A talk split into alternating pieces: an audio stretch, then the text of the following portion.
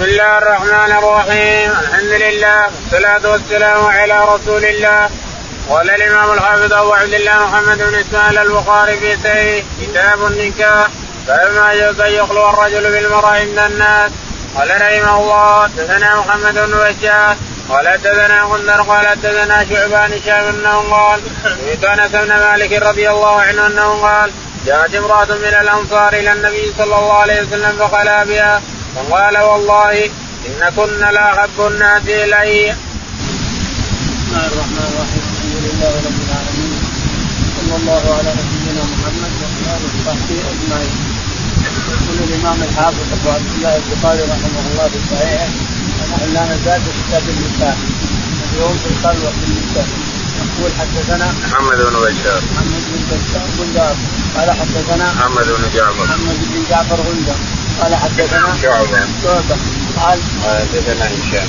حدثنا هشام. قال قال حدثنا انس بن مالك. قال عن أنس بن مالك رضي الله تعالى عنه. قال قال جاءت امرأة من الأنصار إلى النبي صلى الله عليه وسلم فقال قال جاءت امرأة من الأنصار إلى النبي عليه الصلاة والسلام مع أن الخلوة في المرأة ممنوعة لكن هذا صفة الخلوة خلا بها تحدثه عن شيء عن زوجها. تحدث زوجها عليه تحدثه عن شيء بينها وبين زوجها. بها الرسول عليه الصلاة والسلام لأن فيها أسرار. هي طلبت؟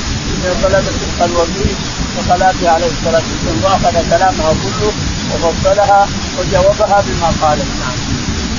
والله إن كنا الناس. وقال الرسول لها والله إن كن إن كن لاحب الناس إلي.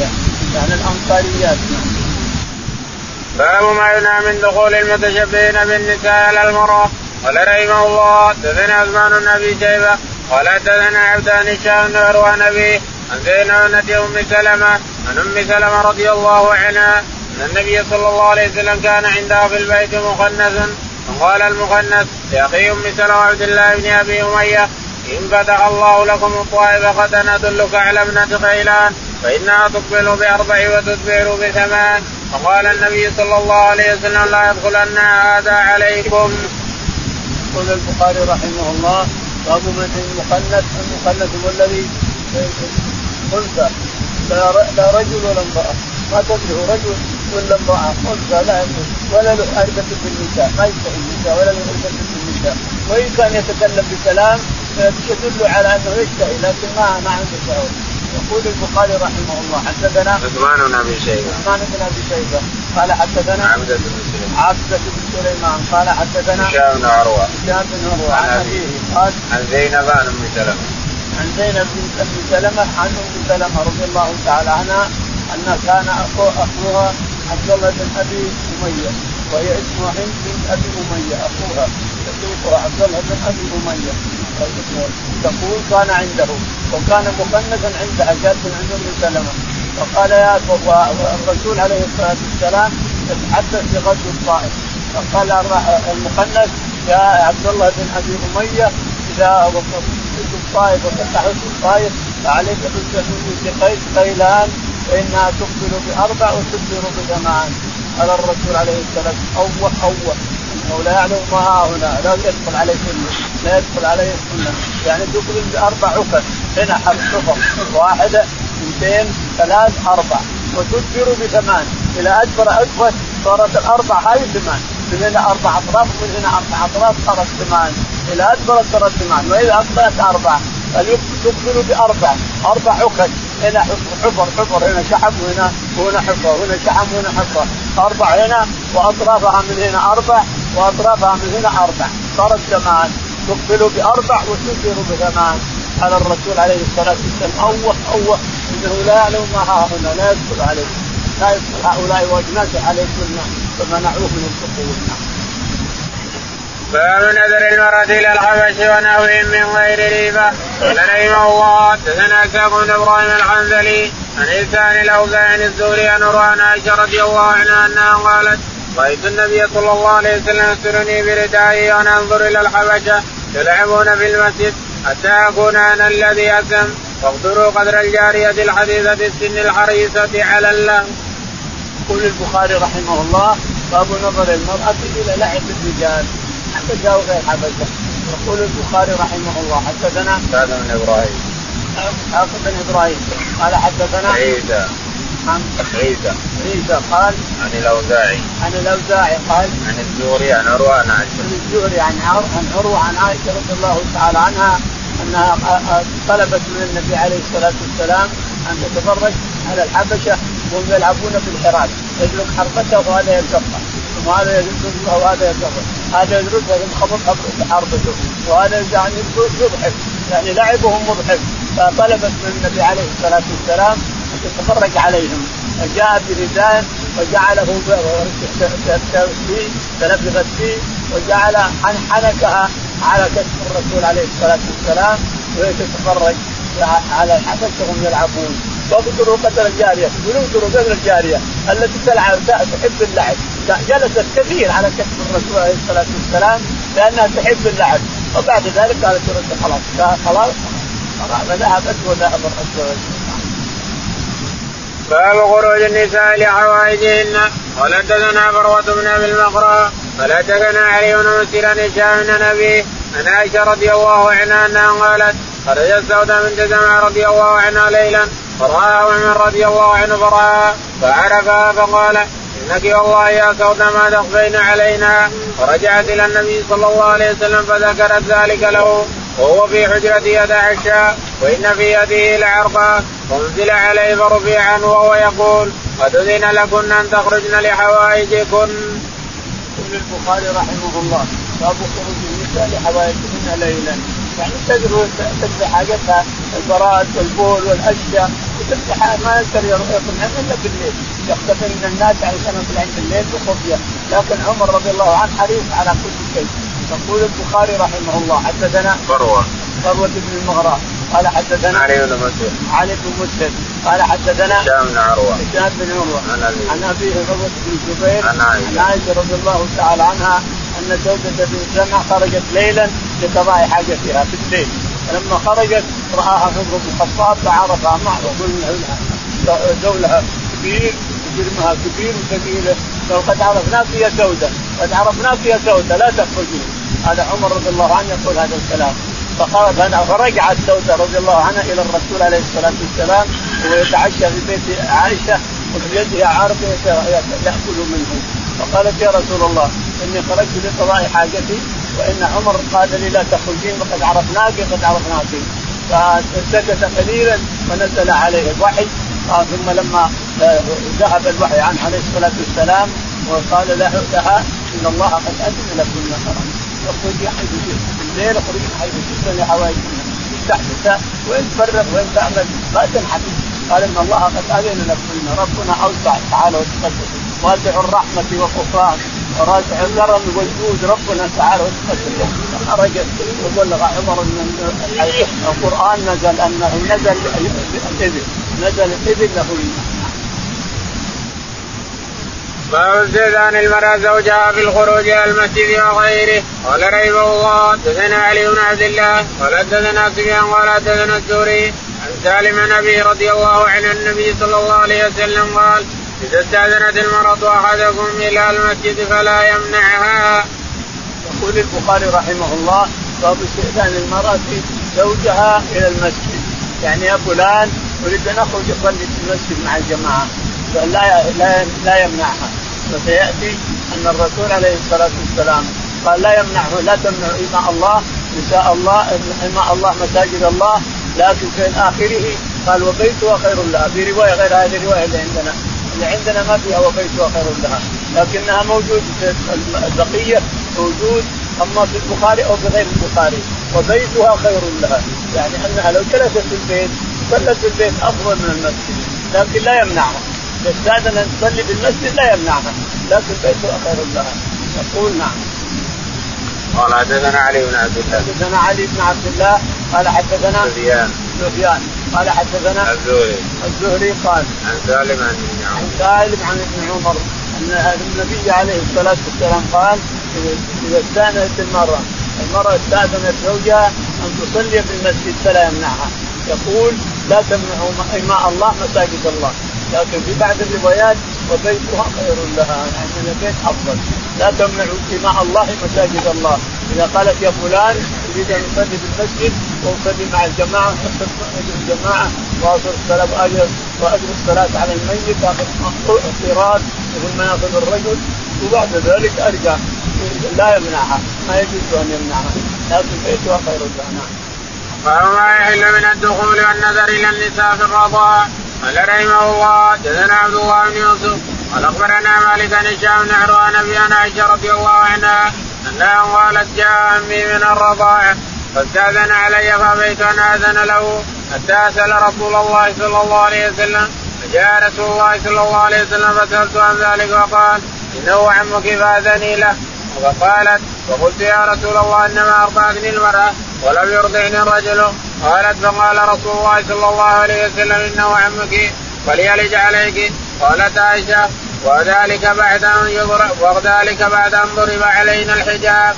قالت عائشة يخرج من الرضاع ما يخرج من الولادة. يقول البخاري رحمه الله باب ما يحل من الدخول باب ما يحل من الدخول على النساء إذا كانت رابعة معك الانسان تدخل عليها أختك من الرضاعة أمك من الرضاعة. خالتك من الرضاعه يحرم من الرضاعه ما يحرم من النسب كما سيأتي. يقول البخاري رحمه الله حدثنا عبد الله بن يوسف. عبد الله بن يوسف قال حدثنا مالك. يوسف قال حدثنا مالك. مالك قال حدثنا هشام بن عروة. هشام بن عروة. عن أبيه. عن أبيه عروة بن الزبير عن عائشة. رضي الله تعالى عنها أن هناك شخص ارضعته امرأته وله أخ فاستأذن عليها فلم تأذن له قالت ما يمكن هذا اللعب؟ ولما جاء الرسول عليه الصلاة والسلام قالت ان إن فلان استأذن أن يدخل ورفضت أن يدخل. لأن دافع عني مرة اخوه ما هو؟ رأتني المرأة ما هو؟ قال ائذني له فانه عمك من الرضاعة لأن أخو أبوك من الرضاعة أخو أبوك من الرضاعة عمك من الرضاعة. ائذني له يحرم من الرضاعة ما يحرم من النسب يحرم على الرجل سبع. من الرضاعة يحرم سبع من الرضاعة على الرجل. فالشاهد أنها أذنت له بعد ذلك. يعني جاء مرة أخرى أذنت له. نعم. باب لا تباشر المرأة المرأة فتنعتها لزوجها. قال رحمه الله تزنى محمد بن يوسف قال تزنى سفيان منصور نبي وائل عن عبد الله بن مسعود رضي الله عنه أنه قال قال النبي صلى الله عليه وسلم لا تباشر المرأة المرأة فتنعتها لزوجها كأنه ينظر إليها. يقول البخاري رحمه الله باب لا تباشر المرأة أن تنعت المرأة الثانية لزوجها فإنه يحصل ويلات نعوذ بالله. وحصل فعلا ويلات نعرفهم نحن. وصلت لزوجها امرأة فطلق بنتها وتزوج المرأة اللي وصلت. شوف الويلات اللي تحصل من ليس تصديق كلام الرسول عليه الصلاة والسلام أن المرأة لا يجوز أن تصف امرأة لزوجها أو غير زوجها. لا تصفها لا تصفها إلا إذا كان يريد أن يتزوج يا فلانة اصطفي لي دوري لي نساء دوري لي امرأة بتزوجها قالت فلانة بنت فلان العائلة الفلانية وصفها كذا هذا لا بأس به. لأنه يريد أن يتزوج يخطب يرسل أما زوجها يخطبوا لزوجها أو تصفوا لآخر فلا يجوز. لأنه لو وصفته لزوجها طلقها وأخذ المرأة اللي وصفتها إذا اعجب بوصفها. إذا اعجب بوصفها وهذا حصل. حصل كثير. تصف فلانة بنت فلان فمات زوجها أو طلقها أو أنها أيم أو أنها كذا وتصفها تصفها تصفها كانه يراها عريانا يقوم يطلقها ويتزوج المرأة اليوم. هذا حصل كثير. وهذا لا يجوز. هذا لا يجوز لأنه جريمة. قال حدثنا محمد بن يوسف. قال حدثنا محمد بن يوسف. قال حدثنا سفيان. سفيان. قال حدثنا منصور. منصور. قال عن أبي وائل عن عبد الله عن أبي وائل عن عبد الله بن مسعود رضي الله تعالى عنه قال قال النبي صلى الله عليه وسلم لا تباشر المرأة المرأة فتنعتها لزوجها كأنه ينظر إليه. يقول ابن مسعود ان النبي عليه الصلاة والسلام قال لا تباشر المرأة المرأة، المباشرة أن تصلها مع عريان، المباشرة أن ما فوقها ثياب، تصفها عريان، تصف المرأة عريان للرجل كأنه ينظر إليها واقف قدامه، لا تصف المرأة المرأة تصفها لزوجها أو لغير زوجها الا اللي يريد أن يتزوج. زوجها أو لغير زوجها وهو لا يريد أن يتزوج. لأنه حرام أن تصف المرأة هي الإنسان الأجنبية لاجنبي الا إذا طلب الزواج إذا كان يريد أن يتزوج وطلب منها ذلك فلا مانع من ذلك. أما زوجها لا يجوز أن تصفها له مباشرة يعني كأنها عريانة بلا بلا ثياب نعم. قال رحمه الله حدثنا عمر بن بن غياث قال حدثنا أبي قال حدثنا الأعمش انه قال حدثني شقيق انه قال سمعت عبد الله رضي الله عنه قال قال النبي صلى الله عليه وسلم لا تباشر المرأة المرأة فتنعتها لزوجها كأنه ينظر إليها. يقول البخاري رحمه الله. حدثنا عمر بن حفص عمر بن حفص بن غياث. عن أبي. عن أبي حفص بن غياث. قال قال عن الأعمش. عن الأعمش عن أبي وائل. عن أبي وائل عن عبد الله بن بن مسعود. رضي الله تعالى عنه أن النبي عليه أن قال أن النبي قال لا لا تباشر المرأة المراه وتصف امراه اجنبيه لزوجها. لا تباشر المرأة هي تصفها عريانة. المباشرة هي أنه ليس على الجلد شيء ليس على البشرة شيء. فتصفها عريانه كالرجل كانه واقفا أمامه عريانه لا تصف المرأة المرأة لزوجها وتصفها مباشرة. حرام وصف المرأة المراه إلا إذا طلب زوج رجل رجل يريد أن يتزوج وطلب منها أن تصفها لا تصف؟ لكن العورة لا يجوز. تصف وجهها وشعرها وسيقانها وما يدعوه إلى نكاحها بس وأما تصف الجسم كله فلا يجوز. حتى للاجنبي يريد أن يتزوج. باب قول الرجل لا طوفن الليل على نسائه. قال رحمه الله حدثنا محمود. قال حدثنا عبد الرزاق قال أخبرنا معمر بن طاووس عن أبي عن أبي هريرة رضي الله عنه أنه قال قال سليمان بن داود عليه السلام لاطوفن الليل بمئة امرأة لتكل امرأة غلاما يقاتل في سبيل الله. فقال له الملك قل إن شاء الله فلم يقل ونسي فأطاف بهن ولم تلد منهن إلا امرأة نصف إنسان. قال النبي صلى الله عليه وسلم لو قال إن شاء الله لم يحنث وكان أرجى لحاجته. يقول البخاري رحمه الله باب قول الرجل لاطوفن الليل على نسائي لاطوفن الليلة على نسائي وتلد كل واحدة كذا وكذا. لازم أن يقول إن شاء الله لأن كل شيء بمشيئة الله وقدرته وقضائه تعالى وتقدم ما حد يفوت عن امره وقضائه. لا يمكن أن تعمل حاجة الانسان إلا تقول إن شاء الله. ولا لا يحصل بركه ولا يحصل مفعول المفعول ما يحصل. ما يحصل البركة ولا يحصل المفعول اللي تريده الإنسان حتى تصل المشيئة إلى الله تعالى تقدم اذكر المشيئة ولا تقولن لشيء إني فاعل ذلك غدا إلا أن يشاء الله. لا تقولن لشيء إني فاعل ذلك غدا إلا أن يشاء الله. وإلا ما يصير. ما يصير شيء. يقول الشافعي رضي الله عنه ما شئت كان وإلا ما شاء. وما شئت إن لم تشاء لم يكن. لا شك في هذا. هذا التوحيد. هذا التوحيد والتفويض رضي الله عنه وأرضاه. نعم. قال حدثنا محمود بن غيلان. حدثنا محمود بن غيلان. قال حدثنا عبد الرزاق. عبد الرزاق. قال حدثنا معمر. معمر. قال عن عبد الله بن طاووس. عن عبد الله بن طاووس. عن أبيه. عن أبيه طاووس بن كيسان. عن أبي هريرة. عن أبي هريرة رضي الله تعالى عنه. نعم.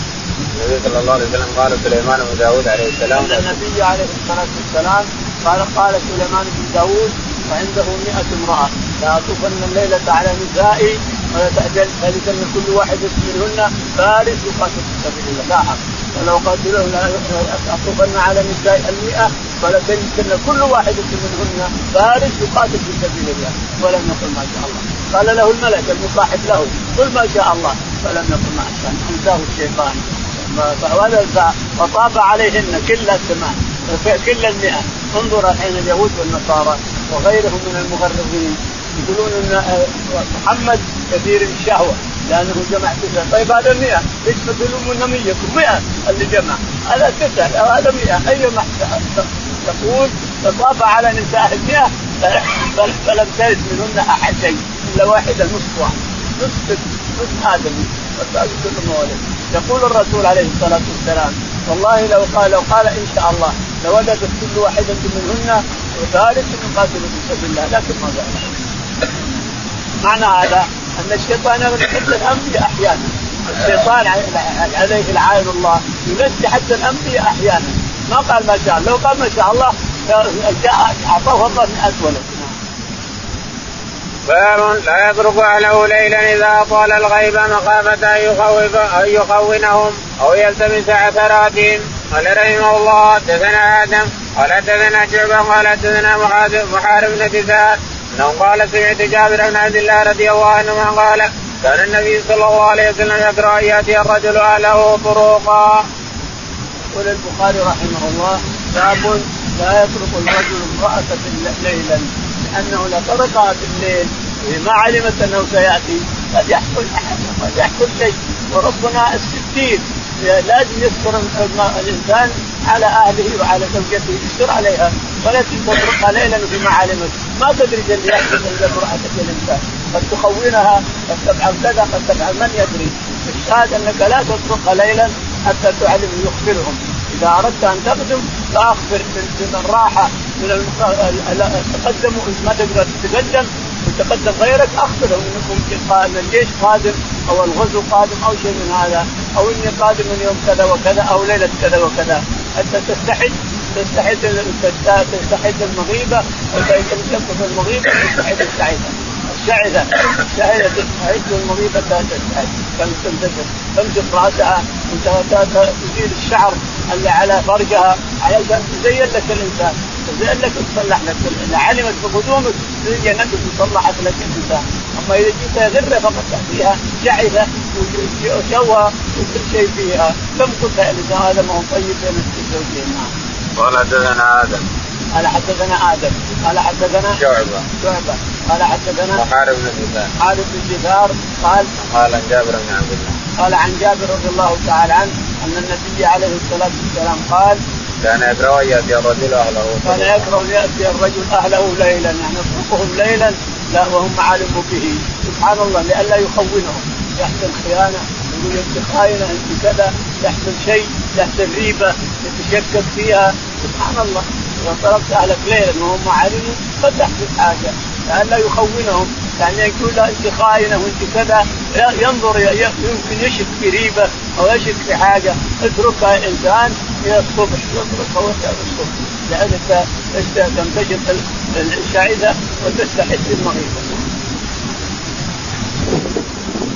قال رحمه الله حدثنا محمد بن مقاتل قال أخبرنا عبد الله قال أخبرنا عبد بن سليمان عن الشعبي أنه سمع جابر بن عبد الله يقول قال رسول الله صلى الله عليه وسلم إذا أطال أحدكم الغيب فلا يطرق اهله ليلا. يقول البخاري رحمه الله حدثنا محمد بن مقاتل. محمد بن مقاتل المروزي قال حدثنا عبد الله بن مبارك. عبد الله بن مبارك المروزي أيضا قال حدثنا عاصم بن سليمان. عاصم بن سليمان قال عن الشعبي عن جابر. عن الشعبي عن جابر رضي الله عنه أن النبي عليه الصلاة والسلام قال لا تتركوا أهلكم ليلا. اتركوهن تستحد الشعبه وتنتشر المغيث نعم متى؟ إذا طالت غيبته عنها. يعني سافر مع جيش أو سافر لحاجة وطالت غيبته عنها فلا يتركها بالليل باب طلب الولد. قال رحمه الله حدثنا مسدد عن سيدنا سيار عن الشافعي عن جابر رضي الله عنه قال كنت مع رسول الله صلى الله عليه وسلم في غزوة فلما قفلنا تعجلت على بعير قطوف فلحقني راكب من قلبي فالتفت فإذا أنا برسول الله صلى الله عليه وسلم قال ما يعجلك؟ قلت إني حديث هاد بعرس. قال بكرا أم سيبا؟ قلت بل سيبا. قال فلا جارية تلاعبها وتلاعبك قال فلما قدمنا ذهبنا لندخل. قال أميلوا حتى تدخلوا ليلا اي شاعة لكي تنتشط الشعثة وتستهد المغيبة قال وحدثني الثقة أنه قال في هذا الحديث الكيس الكيس يا جابر يعني الولد. يقول البخاري رحمه الله حدثنا باب طلب الولد. باب طلب الولد. حدثنا مسدد. مسدد. قال حدثنا هشيم هشيم قال حدثنا سيار. سيار. قال؟ عن الشعبي عن جابر. عن الشعبي عن جابر قال كنت مع رسول الله صلى الله عليه وسلم في غزوة فلما قفلنا تعجبت. يقول جابر رضي الله عنه كنت مع الرسول عليه الصلاة والسلام في غزوة من الغزوات فلما قفلنا وقربنا المدينة تعجلت أنا ومشيت. لكن جملي ما ما ساعد. جملي يمشي خطوة خطوة تزيد وما ما ما بحيث خطوة خطوة. يقول فجاءني شخص من وراء ونغز الجمل. يقول فرأيتني بعد ما كنت هنا صرت قدام الناس. سبحان الله. والتفت إلى الرسول عليه الصلاة والسلام نغزه بسجان معه ولحق عليه الصلاة والسلام وهي يبتسم فقال لم تعجل يا جابر قال يا رسول الله تعجل أنا لأني تزوجت. أنا طيب أنا بكرا ام طيب؟ قلت له والله طيب. قال هلا بكرا تلاعبها وتلاعبك؟ قلت يا رسول الله عندي نساء كثير وأريد أن ضميت اليهن بكر صاروا يلعبون يتركون البيت. يكون سيد لعلها تلبسهم فقال أجل الكيس الكيس يعني عليك بطلب الولد. يعني عليك بالجماع. علشان يجي الولد. الجماع يجيب الولد بإذن الله. قال رحمه الله حدثنا محمد بن الوليد قال حدثنا محمد بن جعفر قال حدثنا شعب عن سيار الشعبي عن جابر بن عبد الله رضي الله عنه أن النبي صلى الله عليه وسلم قال إذا دخلت ليلا فلا تدخل على أهلك حتى تستعذ المغيبة وتنبسط الشعثة قال قال رسول الله صلى الله عليه وسلم فعليك بالكيس الكيس تابع عبيد الله وابن عن جابر عن النبي صلى الله عليه وسلم في الكيس. يقول البخاري رحمه الله. حدثنا محمد بن الوليد. محمد بن الوليد. قال حدثنا محمد بن جعفر. محمد بن جعفر. قال حدثنا شعبة شعبة. قال حدثنا سيار. سيار. قال عن الشعبي عن جابر. عن الشعبي عن جابر رضي الله عنه أن النبي عليه الصلاة والسلام قال نعم. إذا دخلت ليلا فلا تدخل على إذا دخلت ليلا فلا تدخل على امرأة.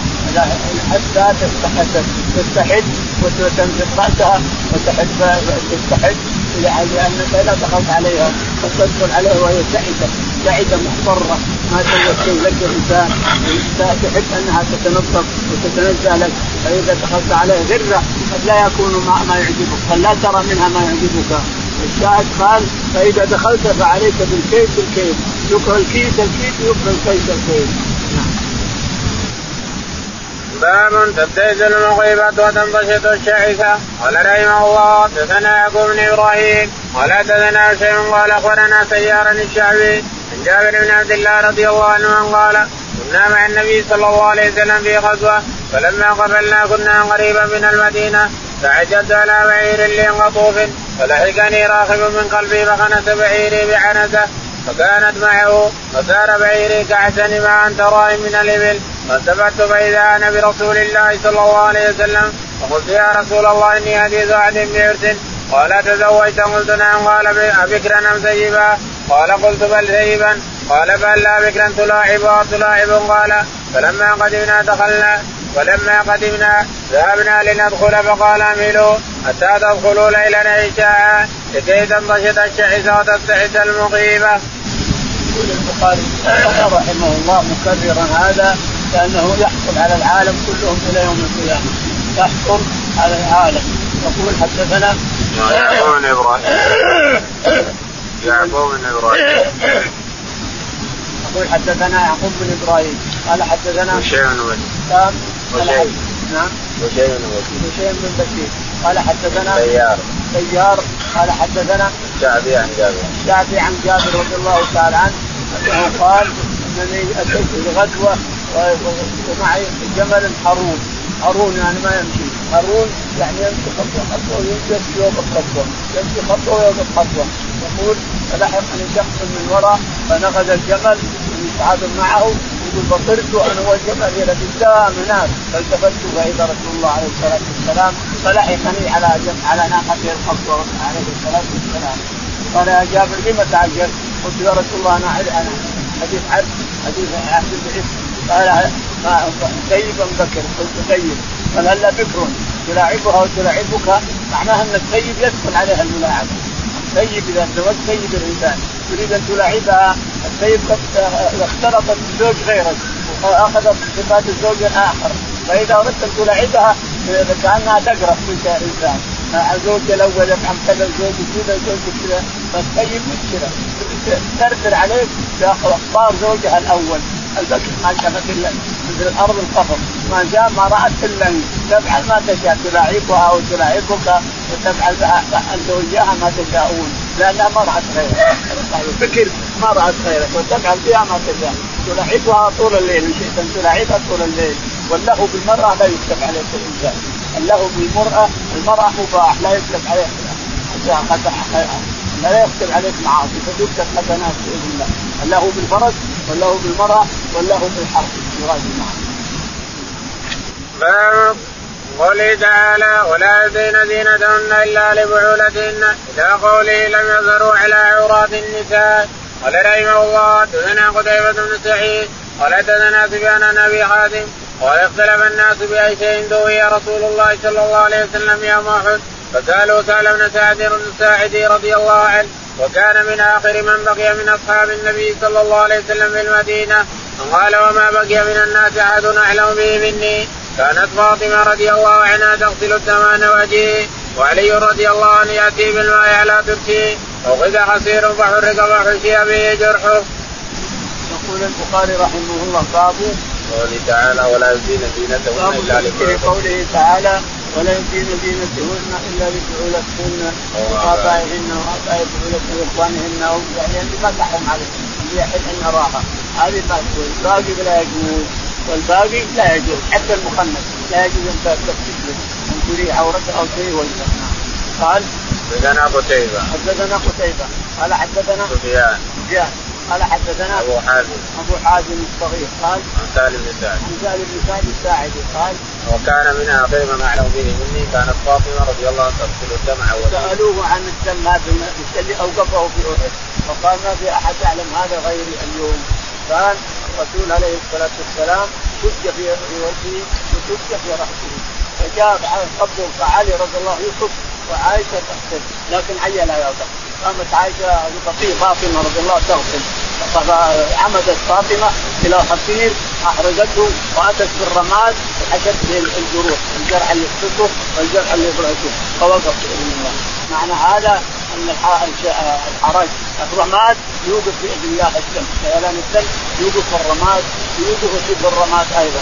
الشاهد أنها جعلت رماد حصير احرقته لما صار الرماد برد فحطته على على جرح الرسول عليه الصلاة والسلام الجرحين مع راسه ومع فوقف الدم يعني ما عولج إلا بالرماد. باب قوله تعالى والذين لم يبلغوا الحلم قال رحمه الله حدثنا أحمد بن محمد قال أخبرنا عبد الله قال أخبرنا سفيان بن عبد الرحمن بن عابس أنه قال سمعت ابن عباس رضي الله عنهما ساله رجل اجتمع رسول الله صلى الله عليه وسلم العيد أو فطرا قال نعم. ولولا مكاني من ما شئت. يعني من صغري. قال خرج رسول الله صلى الله عليه وسلم فصلى ثم خطب ولم يذكر اذانا ولا إقامة. ثم أتى النساء فوعدهن وذكرهن وأمرهن بالصدقه فرأيتهن يهوين إلى آذانهن وحلوقهن يدفعن إلى بلال ثم ارتفع هو وبلال إلى بيته.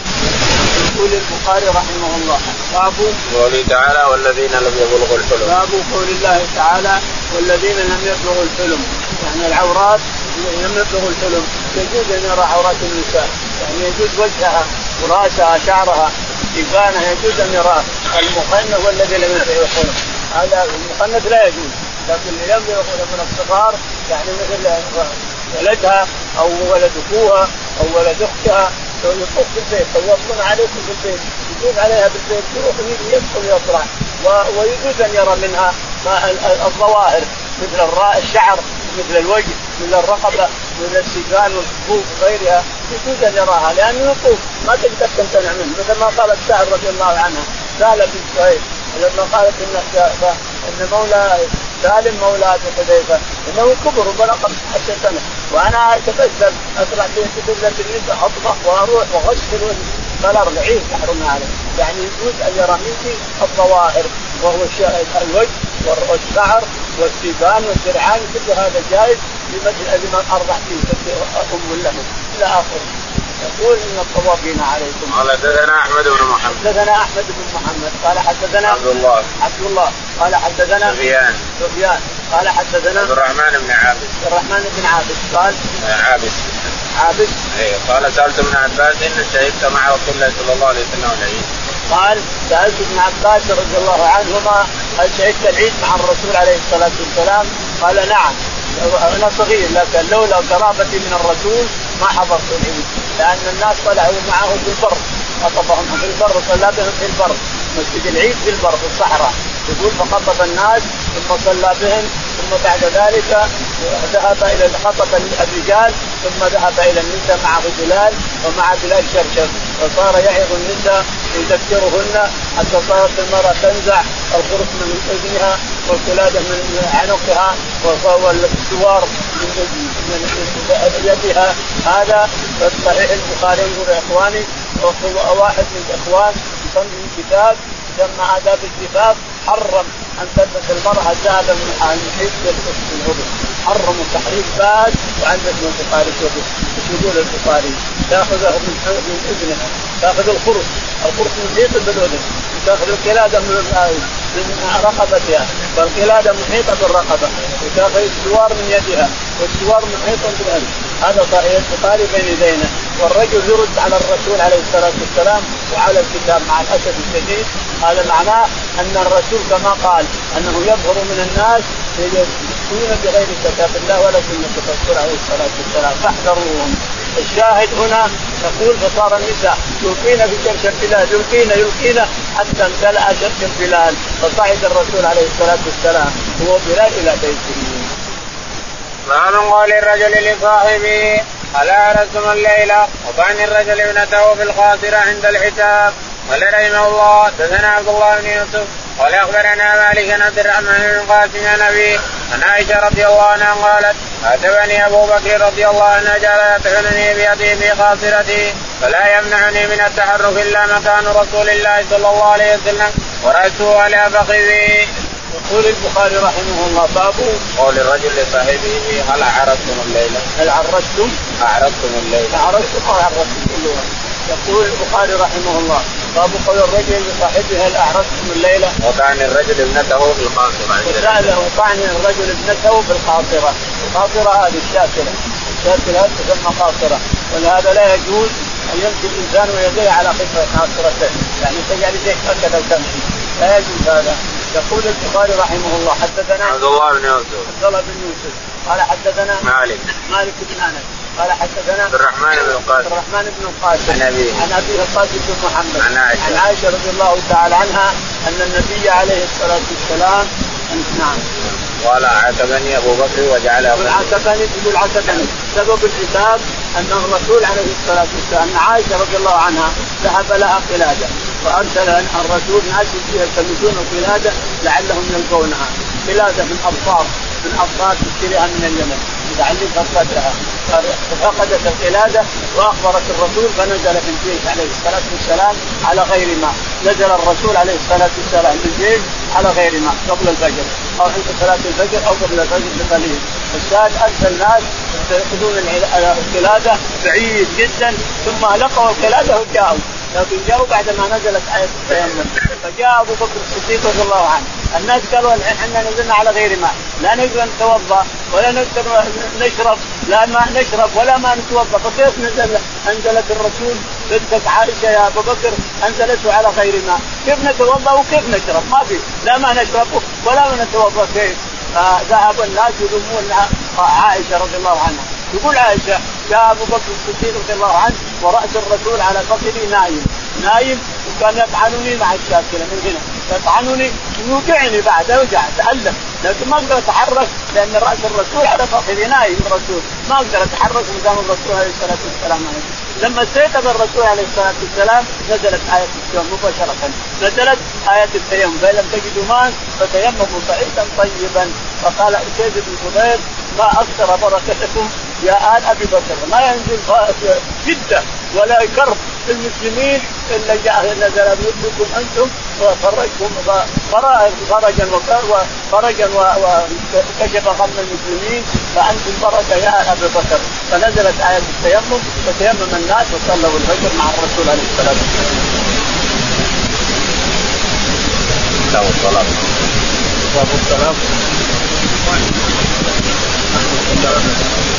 كتاب الصلاة. الصلاة اللهم اهدنا بمن هديت وعافنا بمن عافيت وتولنا بمن توليت اللهم توفنا مسلمين. وحسن عبادتنا لك